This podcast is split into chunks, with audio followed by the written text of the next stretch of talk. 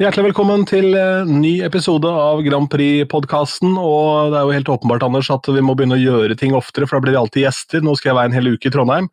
Derav innspilling litt tidlig. Og da er det jo gjest Morten Thomassen fra Grand Prix-klubben. Velkommen. Hallo, hallo. Tenk, altså Morten Thomassen, eh, Ronny. Altså det, det er det, det, er et navn uh, som, som, hvis du har vært med liksom, i uh, Grand Prix-miljøet, så, så, så, kommer du borti det navnet. Altså, vi skal jo spørre Morten litt etter hvert om hvor mange Eurovision-finaler han har sett, og dette med hva er en Grand Prix-klubb, kanskje noen som ennå ikke har fått helt taket på det. Men han er jo president da, i Grand Prix-klubben, og det er jo en æresrik tittel. Og han er da, eh, så vidt jeg har skjønt, en del av sånn fellesskap med andre presidenter rundt omkring i hele Europa, og kanskje til og med verden også, som er presidenter i sitt land. Så dette er storfint besøk, altså. Mm. Tror vi nesten må sette selveste på. Vi leker ikke Grand Prix, bare for det er sagt, altså. nei, nei. nei og, tit og, titler er jo viktig. Ja, det, det, ja, min ektemann blir av og til kalt for presidentfrue, men det skal vi ikke snakke om. ja, men det er koselig. Jeg var på et eh, opplegg sammen med tidligere ordfører Askim og hans eh, mann, da, og han var ordførerfrue, så det er viktigere der, altså. Du må bare få det på. ja, ja. Han er kamerat med, så han kjenner jeg ikke. ja, nettopp. Vi har Tor, ja. Det er. Det er jo noe med en, en, Presidenttrua i USA kalles jo førstedame, så jeg vet ikke om det da blir førstemann, for det har jo en annen assosiasjon. Men eh, det høres bedre ut. Ja, det høres bedre ut. veldig bra. Du, eh, Morten, eh, la oss starte med begynnelsen. President, er det, er det noe man blir valgt til, eller er det sånn man er når man starter klubben? Eh, nei, man blir valgt til det. Vi har årsmøte hvert år, og annethvert år så er jeg på valg. Så da har jeg blitt valgt hvert år siden 2005 så jeg holdt på en stund som president, og før den tid så var jeg vanlig medlem, og jeg var vel den sjuende personen i Norge som ble medlem av Grand Prix-klubben, helt tilbake i 1989.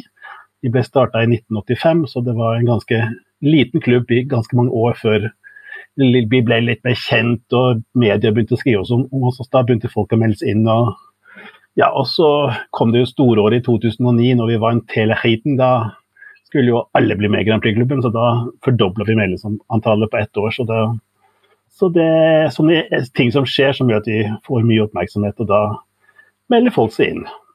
Mm. Men du, eh, Ronny, eh, vet ikke om du har lagt merke til, i, i publikum så er det et sånt banner som Grand Prix-klubben i hvert fall har pleid å ha med seg, hvor det står 'Victory for Norway'. Og Hvor lenge har det vært med, Morten?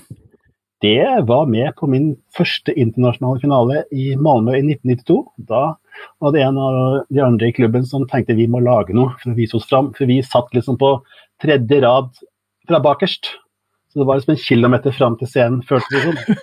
Så da måtte vi gjøre noe for å, for å vise oss fram, og da hadde vi et banner der det sto 'Victory for Norway'. Og etter at Merete Trøan hadde sunget, så skal den britiske kommentatoren ha sagt 'I don't think so'. Og det fikk han jo rett i.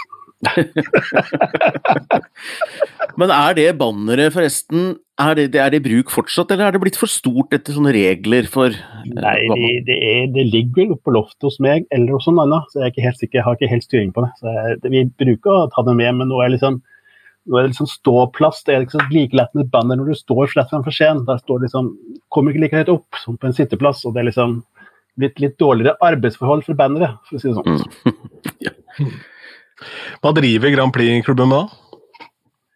Nei, Vi er jo en fanorganisasjon for Melodi Grand Prix og Eurovision Song Contest. og promoterer det. og så Vi drar jo på norsk finale, vi drar jo på internasjonal finale. Vi er så heldige at vi får noen eksklusive billetter bare til våre medlemmer.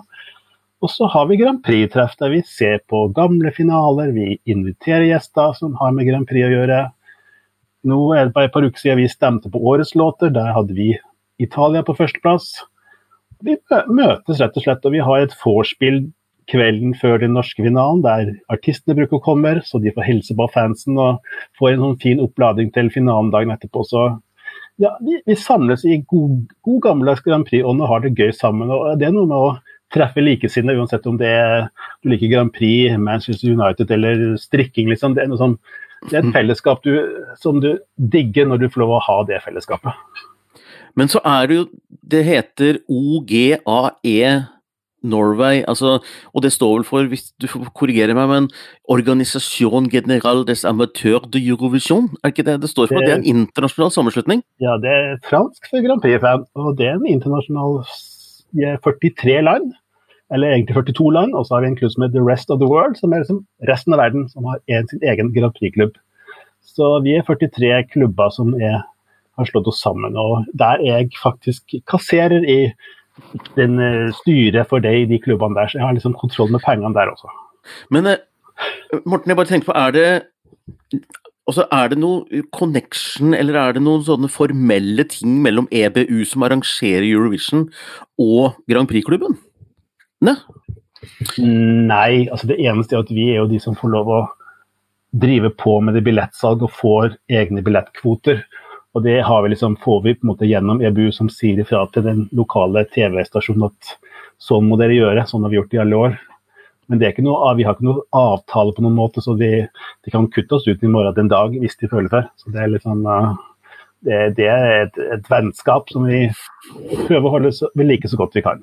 Smart. ja. Det er ikke like lett, men sånn er det med noen vennskap. Ja, det er ikke alltid lett, sier du. Altså, er det noen sånn konflikttemaer mellom fans og Eurovision? Nei, det er med at det, det er en ny TV-stasjon, så må vi begynne liksom å bygge på et nytt forhold hvert år liksom ny arrangør hvert år. Det er ikke alle TV-stasjoner som har like køl på, liksom, på hvordan fansen altså Vi i Norge er jo veldig heldige som har god kontakt med Grand Prix-redaksjonen. og liksom Vi kjenner de personlig, og de tar kontakt med oss, og vi får lov å være på lyttergruppa. og sånn, så Vi er jo veldig heldige. Er mange land som er dødmisunnelige på oss i Norge, som har så godt forhold til vår TV-kanal, mens andre land er litt mer sånn Hands, hva er det for noe, liksom? Herregud, hva er det? Så skriker unger, liksom. Så det, det, det, vi, litt, vi, må liksom bygge et nytt forhold hvert år til den arrangerende TV-stasjonen.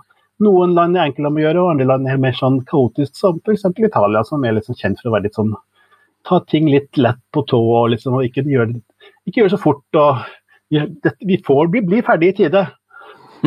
Mens i Norge har vi satt 1. mars, så skjer det 1. mars. I, ja. i, Italia det er mer sånn, det er sånn tentativ dato 1. mars. ja, dette var jo Stig innom når vi prata med han. Det er jo litt annet å forholde seg til italienerne, men uh, det er noen ambisiøse planer om showet i hvert fall i år.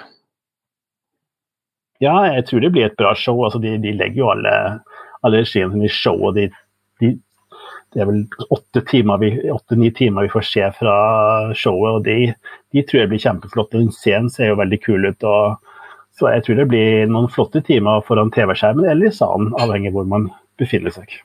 Scena i år, Ronny, er eh, høyteknologisk. Det skal være en sol som roterer rundt og som skal skinne, og det skal visst være rennende vann, som Stig også snakket om. Så det er verdt å glede seg til scena, om ikke noe annet. Så, så har, så har en ulike, ulike innfallsvinkler til det hele. Men du Morten, vi snakket litt om det, var da vi fant at vi måtte ha det som gjest. Eh, og det var altså Hvor mange Eurovision-finaler har du sett nå? Ja, min første live, var, altså. live. Den første var i 1992, og så har jeg sett alle unntatt 93. Og så var jeg ikke naturligvis jeg var ikke i Rotterdam i fjor, for da var det reisedestinasjonen Men alle siden 92 minus 93 har jeg sett. Det er litt av en record, altså, Ronny. Wow. Bra innsats. Eh, hva er liksom høydepunktet da eh, av finaler du har sett? Ja, Hvis vi må trekke ut da Rybak vant, da, for den er vel ikke, det blir vel noe helt spesielt, kanskje. Men hvis du ser bort fra ja, det ja, Da sa du første rad, og det var høydepunkt. Men jeg har et par høydepunkt. Det ene høydepunktet var når vi vant i 1995. Da var jeg i salen. Og som den regnskapspersonen jeg er, så så jo jeg når det var to land igjen å stemme, at vi leda med 25 poeng. Da hadde vi vunnet. Da kunne ingen ta oss igjen. Jeg bare Vi har vunnet! Vi har vunnet! Vi har vunnet, vi leder med 25 poeng, vi har vunnet! Og vi skriker, og vi, dere hører faktisk på opptaket at det er noen som skriker. Når hun kaller opp den neste juryen, så er det noen som hyler og skriker.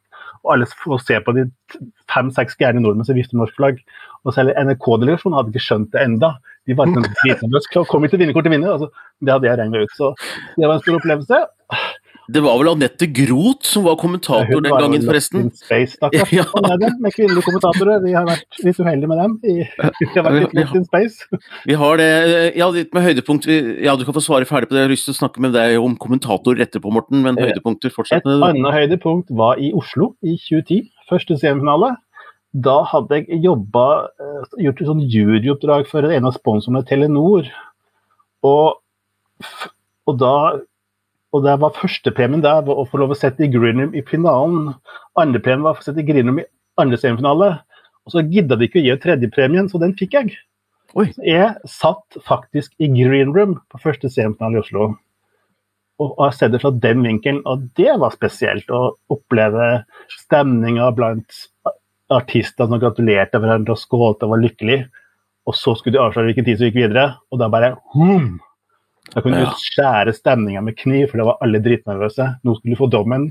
Ja. Ti var li- overlykkelig, andre satt og gråt og var helt fra seg. Men det var en opplevelse, det også. og Det syns jeg var kult å være med på. Et av få år hvor Sverige røyk ut, og jeg husker eh, den bussen som eh, skulle kjøre Anna Bergendal vekk derfra med Christer Bjørkman og sånt, og det derre pressebildet i VG dagen etter av de svenskene i den bussen er liksom legendarisk, for Sverige ryker jo liksom aldri ut, da, men det gjorde de den gangen der, så det gikk vel ikke så bra på hjemmebane heller. Jeg har også en busshistorie med svensker.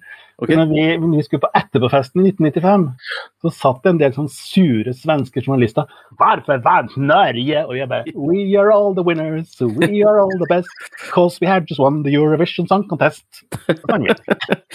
Ja, det er, det er så gøy, det. Sverige og Norge, den der eh, duellen der. Er Det, det, det slår liksom aldri feil. Men du, eh, Morten, vi, vi snakka litt om det sist også. eh, men jeg kunne ikke gå helt god for historien, for du sa jo sjøl at vi har ikke vært like heldige med de kvinnelige kommentatorene våre. Vi husker jo Synnøve Svabe som for så vidt fikk med seg det som skjedde, men hun, hun var jo mye av det som skjedde sjøl. Altså, det var liksom fylte tennissokker nedi det var noen pupper som var for små. Det var liksom totalt random kommentering. Eh, Men du hadde en rolle, og du vet litt hvorfor det kanskje ikke gikk så bra for Synnøve Svabe den gangen, i 2009. Ja, jeg gjorde Altså, hun klarte jo å krasje PC-en sin før andre semifinale. Så jeg ble da innkalt til hennes eh, hotellrom, og så satt de og lagde manus sammen til semifinale to. I hui og hasten dagen før. Sånn, altså, det klarte jo krise over en, for hvem som helst som visste manuskriptet sitt dagen før du skulle gjøre det. Så jeg naturligvis hjalp jeg til, og hun serverte med mat, og vi hadde det fint og koselig. Men eh, det som skjedde på selve finalen, var vel at hun liksom ikke hadde regi på hva hun skulle gjøre. For alle, alle, alle skjønte at vi kom til å vinne. Det var liksom, alle sa til meg fra, fra januar av ja, dere kommer til å vinne. Det, det, så finalen var jo kjedelig sett med det synspunktet. Mm. Så jeg tror at hun rett og slett hadde for mye på planen og ikke klarte å være fokusert på jobben som kommentator. Og ble underholder istedenfor. Og kommentatoren skal ikke være underholder, han skal være kommentator. Viktig rolle. Hva er favorittkommentatoren din, da? Nei, altså, jeg, så jeg hadde en connection med Synnøve Svabe også. Jeg syns hun var gøy, da. Altså, hun tar jo av, og det er liksom, liksom Hvorfor ikke, altså? Jeg, jeg, tok av, og jeg syns hun var morsom. og ja, Det er en humor som du enten må ha sans for ikke ha sans for. Jeg har sans for den, og da går det bra. Men vi har hatt én veldig bra kvinnelig kommentator, syns jeg, og, og det var synd vi ikke fikk mer fra henne. Hadde Hoftun i 2008 syns jeg gjorde en glimrende jobb. Så Ja, det, altså, de, alle har jo vært flinke, men, liksom, ja da. Men jeg tror mer at det har liksom tatt dem litt på senga at vi vant. Det skjedde jo både i 85 og 95, så ble vi liksom litt tatt på senga at liksom vi faktisk vant. Det Liksom, Ja. Jeg tror ikke de hadde skrevet den, den versjonen av manuskriptet. altså vinner, Vinnermanus hadde de ikke skrevet. De hadde beskrevet ja, ja, det gikk bra, manuset, men de ikke skrevet vi vant manuset. så det... Du kan ikke skrive dette, for da går det ikke bra. ikke sant? Det er jo sånn å jinxe på forhånd. Da vinner du ikke. altså, eh, Olav Viksmo Slettan hadde liksom noen spørsmål. Det som skjer når du har vunnet, du har vunnet, så vil kommentatoren blir tatt opp på scenen, og så kan de ha et intervju med, med, med sin vinnerartist i Dagsrevyen etterpå, eller nyhetene. Så han hadde faktisk skrevet bak på akkrediteringskortet sitt når de spørsmål han skulle stille, hvis Norge skulle finne på å vinne. hvis han var der. Så han var såpass planlagt, var faktisk Olav Viksmo Slettan. Plan A, og plan B og plan C. Ehm, så lurer jeg på, du har jo møtt mange av disse artistene kanskje også. Eh, hvor, hvor, vanlige folk er Eurovision-artistene sånn jevnt over? De er alt fra high flying til veldig vanlig. Jeg husker eh, vi var i Düsseldorf, så var jo Alexander Rybak der, og han er jo litt sånn vimsete kar. og Han skulle plutselig til å på fest, og da var, hadde San Marino fest. Så jeg spurte jo han som var head of delegation i San Marino om jeg kunne ta med meg inn, og det fikk jeg naturligvis ja til. Han hadde jo fela med seg, og han var litt alene, så jeg, fikk en litt sånn eh, pappafølelse. Jeg måtte passe litt på han. Og da kom liksom den ene artisten etter andre og pekte meg på skuldra. Excuse me, can I take a photo with Alexander Rybak? Oh, yes, you can, sier jeg bare. så de var veldig sånn ydmyke når det kom en sånn royalty som han, at de fikk lov til å bilde med. så de er helt vanlige mennesker, mange av dem. Og de er hyggelige. Og klart det er noen som er, har nesa veldig høyt i sky og ikke er så hyggelige, men det, de, de glemmer vi. Ja, det er en russer eh, som går rundt Nå er ikke han med lenger, eller for, fordi han er russer, rett og slett, eh, av naturlige grunner. Men Filip Kirikov eh, er jo eh, i denne filmen eh, Islandske filmen Nei, ikke islandsk, da, men den derre oh, Eurovision Fire Saga, ja, Will Ferrell, så er det jo en sånn russisk karakter som minner litt om han Filip Kirikov. Og, og han er jo en sånn karakter som gjør veldig mye ut av seg. Eh, masse ringer, svart hår. Det oser mafia hele Mer fargerik enn deg, og det oser mafiaen. Han, han, eier liksom musikkindustrien i Russland, og, og, og, vodka, og han var jo liksom litt kompis da det ble et medieoppslag rundt det også, med Rybak. Så er han blant de som du vil karakterisere som hyggelig? Ja, han, er, han er profesjonelt hyggelig, tror jeg. Så liksom, jeg prater med han, og han er liksom Ja ja, da skulle jeg liksom prate med han og gjøre et intervju, så da var han klar med en gang. Men jeg husker en gang i det var vel i Finland, da skjønte han ikke helt vitsen med sikkerhetskontroll. Nei. Klart Når det kommer masse ringer og, og glitterjakke, så, så piper det jo. Så da var han litt oppgitt at han faktisk måtte stå i kø til sikkerhetskontrollen, at det var en egen liten linje for han da. Men uh, men det er jo noe med utstrålingen hans. altså Jeg ville jo ikke blitt sjokkert hvis han hadde en Kalosjnikov nede i veska si heller. for Han ser jo som han er tatt ut fra en sånn film. Så, ja. De har, nok, de har nok litt egne regler, de folkene der. Og jeg har jo en annen historie. På, det var første gang jeg var i Kiev. Så hadde hun eh, eh, hviterussiske artisten hadde jo bursdag. Så Da ble vi invitert på bursdagsfest. Det var på en fin liten båt som lå ved, ved elva der. Og eh, allmuen fikk lov å bare være på kaia. Men vi i Grand Prix-klubben klarte først å komme oss om bord i båten. Vi var en gjeng på fem-seks stykker. Og så ble vi faktisk invitert opp på upper deck. Så der var jo Philip Kirkorov og, og alle de der folkene der. Så det var jo Alla Pugachev også der. så det var liksom mm. Og masse andre folk også. Og naturligvis også Angelica Agurbash, som var artisten fra Hviterussland. Og jeg så at mange andre folk, og så et par dager senere så, så jeg på noe som ligna på sånn Ukraina Se og Hør. og bare Oi, hun var på båten. Oi, han var på båten. Så da, vi, var, vi, endte på et hviterussisk, hvite ukrainsk, russisk kjendisparty. Og noen, noen, hadde vært på do, og da fikk de ikke lov opp til vanndo, de fikk lov opp på VIP-do. Og der var liksom gullkraner og akvarium med små haier. Var det akvarium med små haier? Akvarium med små haier på båten. Det er litt sånn russisk standard. Ja, det er russisk standard, og det er, eh, ja, det er så deilig. Og, og, og, og, Ronny, er det ikke fantastisk? Altså, her, her slenger Morten ut ikke sant, navn som du helt sikkert ikke har hørt engang, og det er Eurovision, hvor dette er stjerner, da, som egentlig ikke er stjerner internasjonalt på samme måten utenfor denne bobla. Syns du det er fascinerende? som jobbe med musikk på annen måte? Ja, altså det her minner meg litt om første gang jeg var på Universals hagefest. Eh, da var jo jeg bare 19 år gammel, jobba i Radio 1 og hadde liksom akkurat fått invitasjon. Og da husker jeg, Der var det bokseklubben, notoriske bokseklubben som var, eh, som var eh, sikkerhetspersonell, i hvert fall på den tida. Um, og da var det Per Heimli, hadde akkurat slått seg opp, husker jeg. Og da kom ikke han inn, for han sto ikke på lista, men det gjorde jeg, da, som var 19 år gammel og ikke hadde noen ting der å gjøre, selvfølgelig. Kjente jo ingen.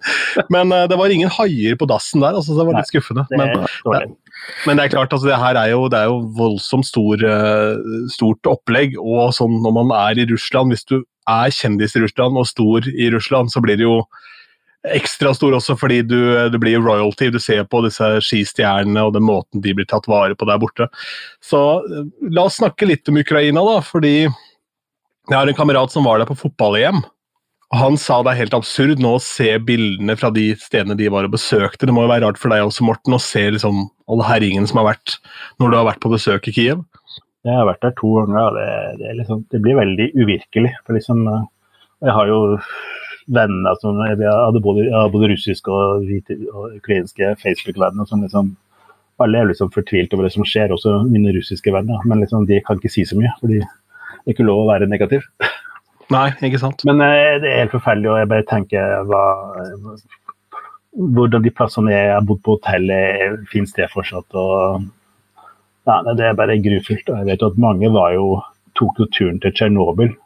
Det var sånne dagsturer fra Kiev til Tsjernobyl. Jeg vet at mange var der. Og de må jo være veldig berørt av at liksom, det har jo skjedd mye rart og forferdelig. Så det, nei, det, det er spesielt, og jeg syns jo det er veldig fint at de til tross for det som skjer, faktisk vil komme til Torino og delta og vise at de er, de er et land, faktisk. Ikke som, som et annet land sier at de ikke er. De er et land. og Jeg håper de får masse støtte. og Kanskje ikke at de skal vinne, men at de gjør det veldig bra. i hvert fall Det, det fortjener de. og Det kommer til å bli en usannsynlig applaus når de har opptrådt. Det, mm. jeg må ha, ja, det blir ganske heftig, tror jeg. Men hva tror du blir liksom diskusjonen da hvis Ukraina skulle vinne. Det er jo noen som i miljøet antyder at uh, da er det kun pga. sympati. Jeg er blant de som mener at låta har for så vidt noen kvaliteter som gjør at den kan vinne uavhengig av det, men, men sannsynligvis ikke. det, så, så det, jeg tror det vil bli bråk på enkelte måter da, hvis, hvis du skulle vinne. Hva tror du? Nei, altså, jeg har jo den som favorittlåt i år, så for min del må den gjerne vinne. Altså, ja.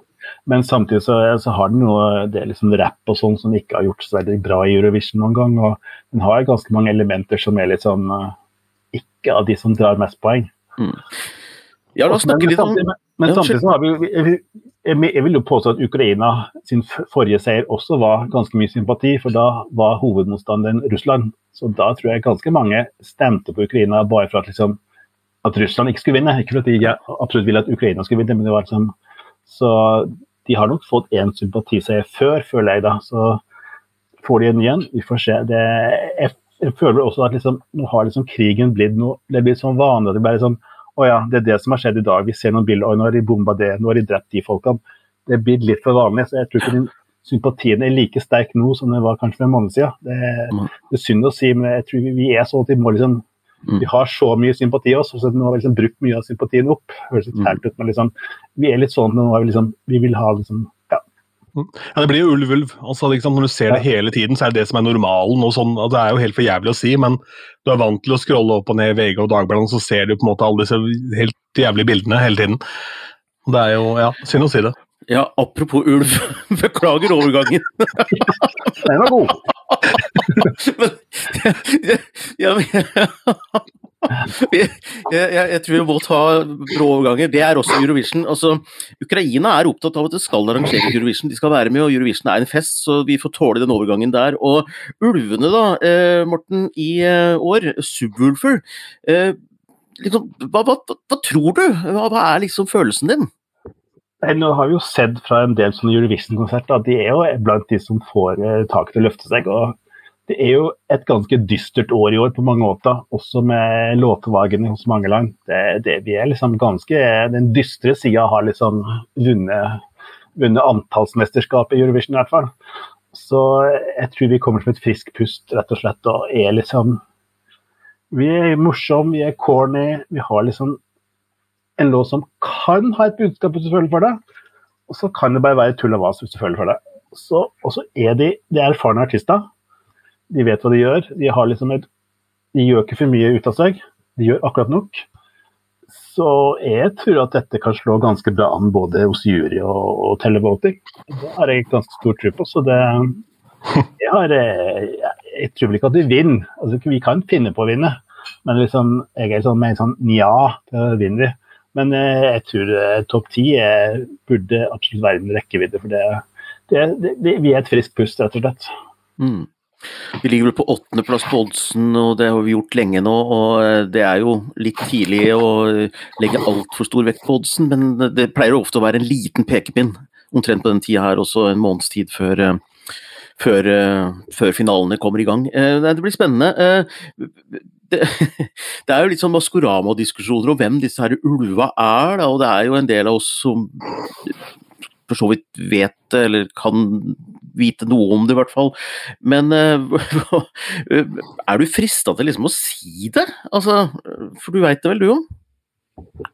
Nei. Altså det, det, det, dette er fordi at vi skal respektere den opplegget de har. Da skal de være hemmelige det er liksom del av opplegget at de skal liksom få spekulere litt. De skal være litt som noen snålinger. Så jeg syns det, det, er kult. Jeg.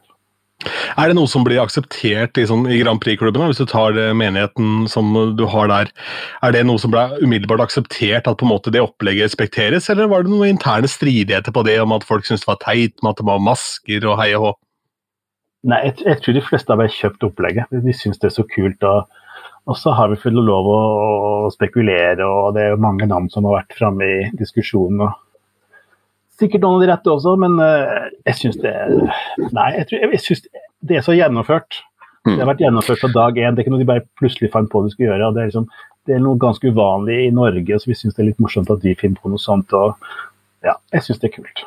Og så er det noe de ulva får til, eh, syns jeg, og det er at de, selv om de ikke har noen øyne, du ser dem ikke smile og sånn, så syns jeg de er sjarmerende, eller nesten litt sånn søte i denne naive tilnærmingen til verden. Alt er jo nytt for dem, de er som sånne barn som går rundt og ser alt for første gang. og det er eh, jeg, jeg, skjønner at folk blir glad i dem som figurer også, da, for de er ganske smart laget. For de kan lett tegnes og sånn. Så jeg, henger meg på det du sier der, Morten. Og jeg tror også det kan gå bra. og Det er ikke sannsynlig at de vinner, men, eh, men de er i en sånn posisjon at det kan skje. Eh, hvis feltet åpner seg opp og de er heldige med alt av staging og flaks med startnummer i en eventuell finale og sånt, så, så kan feltet åpne seg opp at det blir en mulighet. men jeg, ja, jeg, jeg, tror liksom ikke det. det, det jeg kan ikke gå og tro det hvert år heller. Nei. Men det hadde vært veldig, veldig gøy. uh, for å hoppe til noe annet. Før uh, vi starta opptaket her, så snakka vi litt, Morten, og da sa du et eller annet om at det er vanskelig da, å si hva som er altså Du har Ukraina som favoritt, men sceneshow er så viktig. Hva gjør et godt Eurovision-sceneshow? Det er bare at alt funker. Altså, det er artig, troverdig. Altså, uansett om det, om det er en subwoofer der det skal være crazy og vilt, eller om det er en det skal være sånn veldig neddemp og, og, liksom helt plain.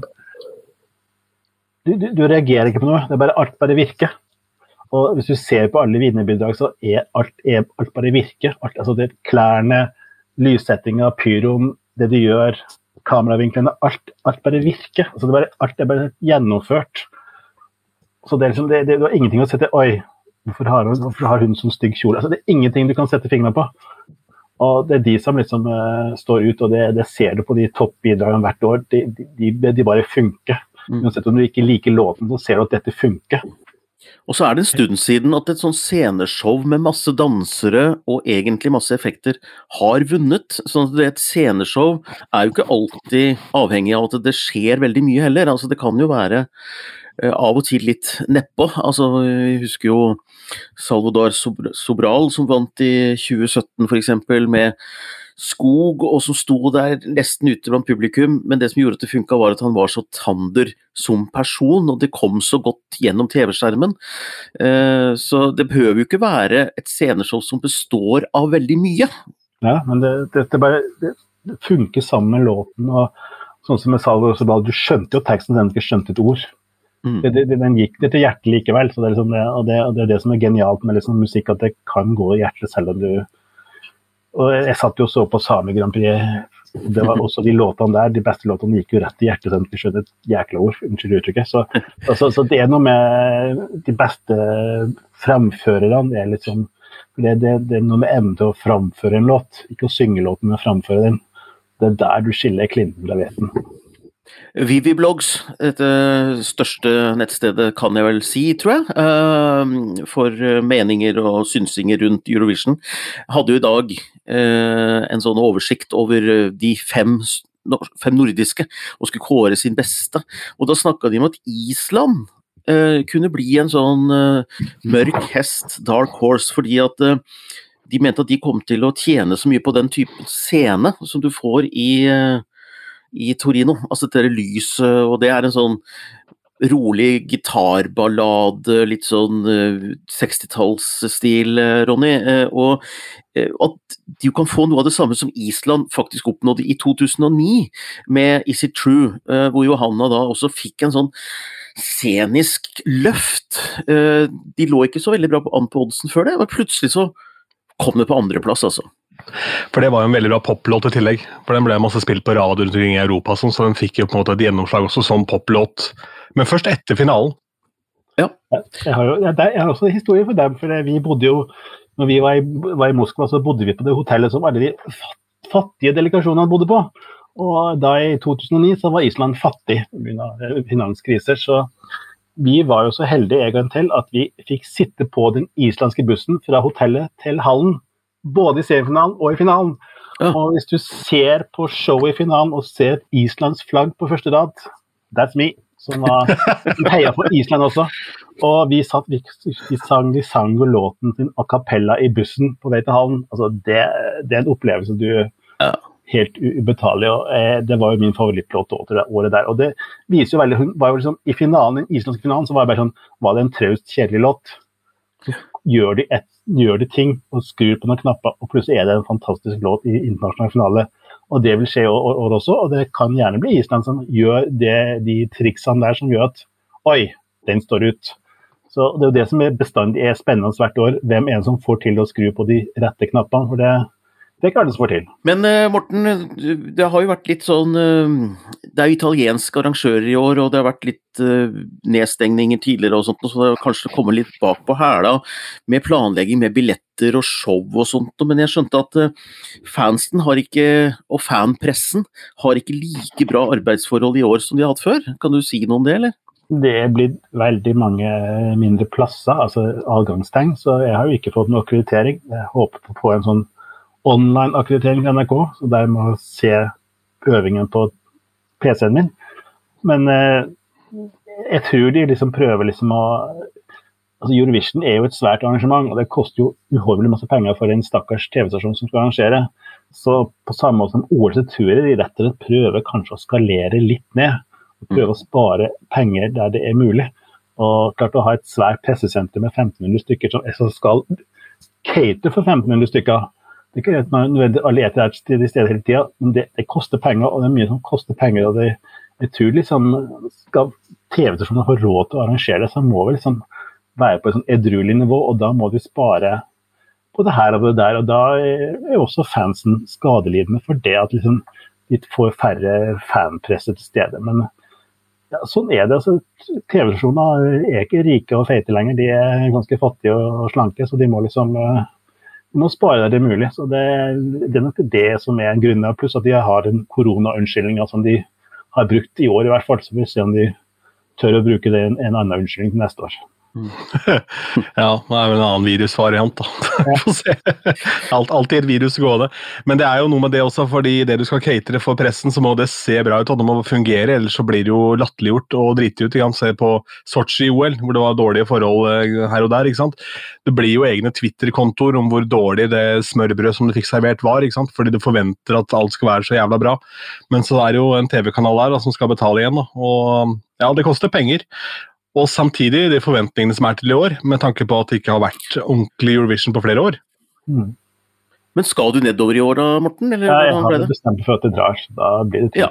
Så får vi se hva vi, gjør ut av det. det. Nå har jo én ting som er helt ny i år, er at første øvelse er helt stengt for pressen. Vi får ikke se, vi får ikke se den. Så Nei. pressesenteret åpner ikke før land 1 i semifinalen 1 har sin andre øvelse. Så da får vi se om vi får eh, tak i noen fra NRK og høre hvordan første øvelse gikk. Vi får ikke se noe av det. Og dette har de gjort i Junior Eurovision noen år. Og eh, så vidt jeg skjønner, så er grunnen til at første øving er veldig mye mm. Artistene ser i feil kamera. De den som produserer showet, bruker feil kamera. Altså det, blir, det, blir, mye rart i første øving som ikke, ikke ser så bra ut. og og, og, det blir skrevet om at hun sang falskt og hun sang dårlig og kjolen var feil. og, og sånn der alle disse tingene blir vi kvitt. Du får lov av første øving å se på showet i fred og ro uten at det skal liksom legges ut og hvor alle feilene som skjer. For det skjer feil i, hos de fleste i første runden. Ja, Både du og jeg blogger litt om eh, Eurovision, Morten. Ikke bare litt heller, du blogger jo hver eneste dag. Jeg har vært litt uh, lat i år, men jeg husker i fjor så skrev jeg også om dette her med disse første prøvene, at det bør få forbli prøver. altså fordi at eh, Nå har det nesten vært sånn at det er eh, første opptreden uten å ha fått lov til å stå på den scenen før. Det er veldig brutalt, da, som det har vært mm. før. Og eh, det syns jeg ikke artister eller produsenter eller noen egentlig fortjener. Så selv om jeg syns det er moro å følge med, så jeg tror jeg støtter det, altså. Det tiltaket der. Ja, nei, jeg tror at det, det, det, da får de, har de litt lavere skuldre, og liksom, de får lov å gjøre noen feil og liksom, og, uten at det blir sånn hun danset feil, liksom, et eller annet sånt så da, da slipper liksom det styret om å svare på hvorfor du gjorde sånn og sånn. Liksom, for det, det, en prøve er faktisk en prøve. Da skal du prøve å feile og prøve noe nytt. Så det, det er det som vi har prøve for. Det er ikke for at det skal være perfekt fra første runde. Dette her er jo, når folk hører det, det vet vi jo ikke, det er jo det som er med podkast, men dette er boksemat fra øh, første påskedag, søndag kveld. Og hvor lenge er det til prøvene er i gang? Uh... Din første prøven begynner 30. april, og Norge har sin første øving 1. mai, faktisk. Det er jo virkelig ikke lenge til.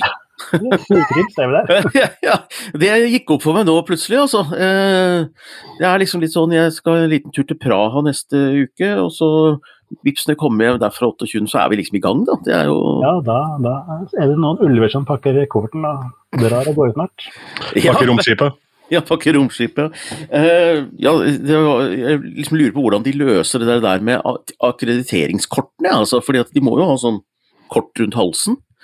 Blir det ulvebilder, eller hva slags bilder ja, nå, har, nå har jo delegasjonen en egen inngang, så, så, det kan jo hende at de har maska på til de kommer inn i teltet. For det er alltid telt over skanneren, for den tåler jo ikke regn og vann og sånn.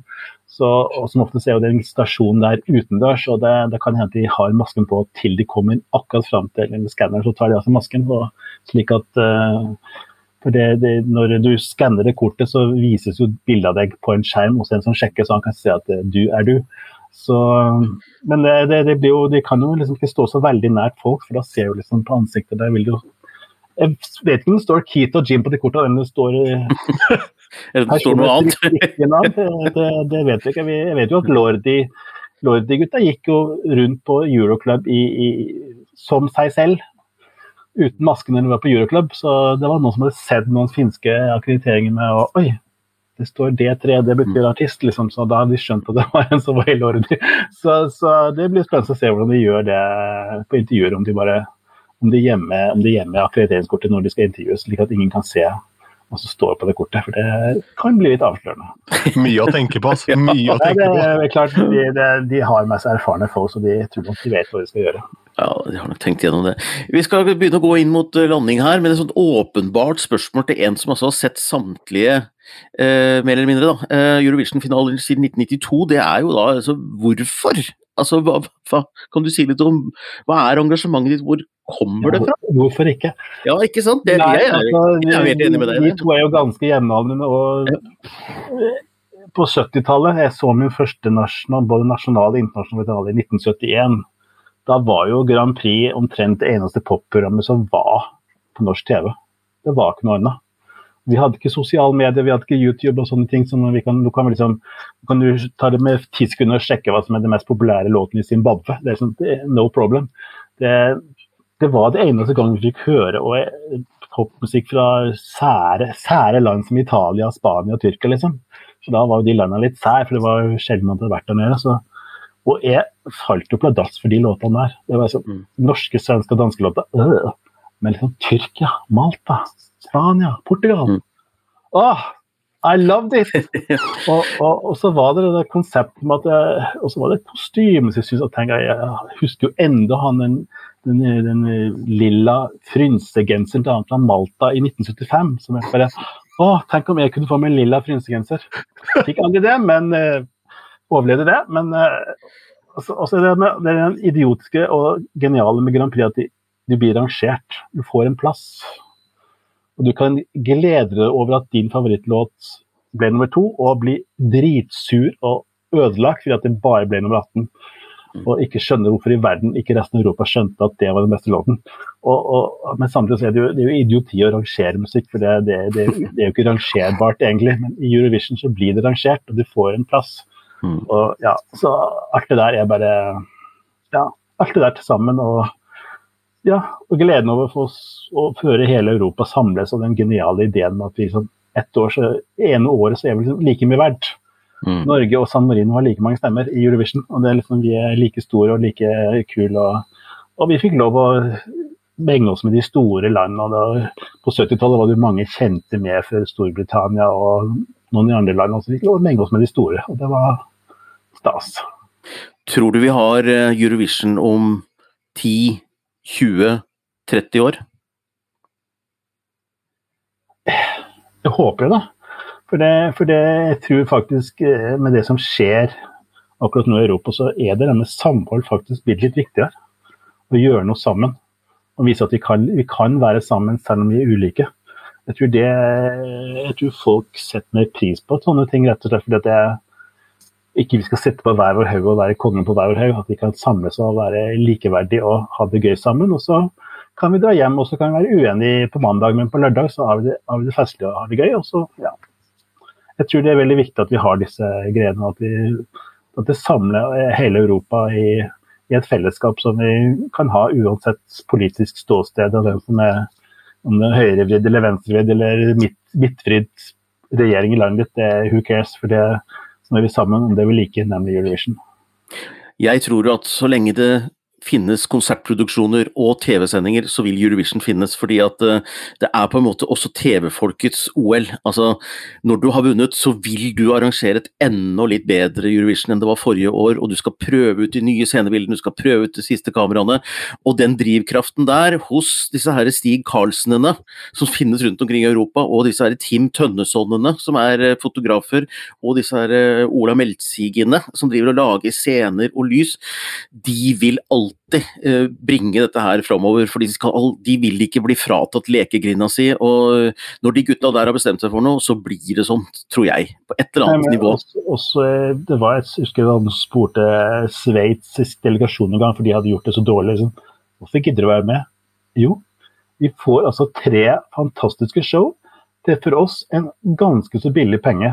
Vi hadde ikke klart å lage tre sånne show på hjemlig grunn for de pengene vi betaler for Eurovision. Så det, det, det, egentlig så er det ganske billig, sett med sånn TV-produksjonsøyne, å få tre sånne show servert i løpet av en uke. Så det, det, er noe Jeg tror mange har lyst til å være med bare pga. det at liksom, de får visst det beste som finnes av TV-produksjon i Europa hvert år. og Jeg vet jo at mange av de landene som vinner, de plutselig blir jo glad, for plutselig får de de kameraene de kanskje ønska seg i de siste fem årene. Mm. Men når de vinner Eurovision, så må de ha de kameraene. så det er sånn, Jeg regner med at alle de som jobber med de tekniske i NRK, ble jo superglad i 2010 når de plutselig fikk masse nytt utstyr som de kanskje ikke kanskje sto på 2011- og 2012-budsjettet, men nå kom det på 2010-budsjettet for Eurovision. Og det er nok derfor at eh, kringkastingssjefen i Norge, nå kommer det en ny en da, vi vet ikke hva hun kommer til å mene om dette her, men i hvert fall den avgående har jo sagt at det er et strategisk mål for NRK å vinne, fordi det er så få rettigheter de har igjen til store eventer, og de trenger dette for å bygge kompetanse.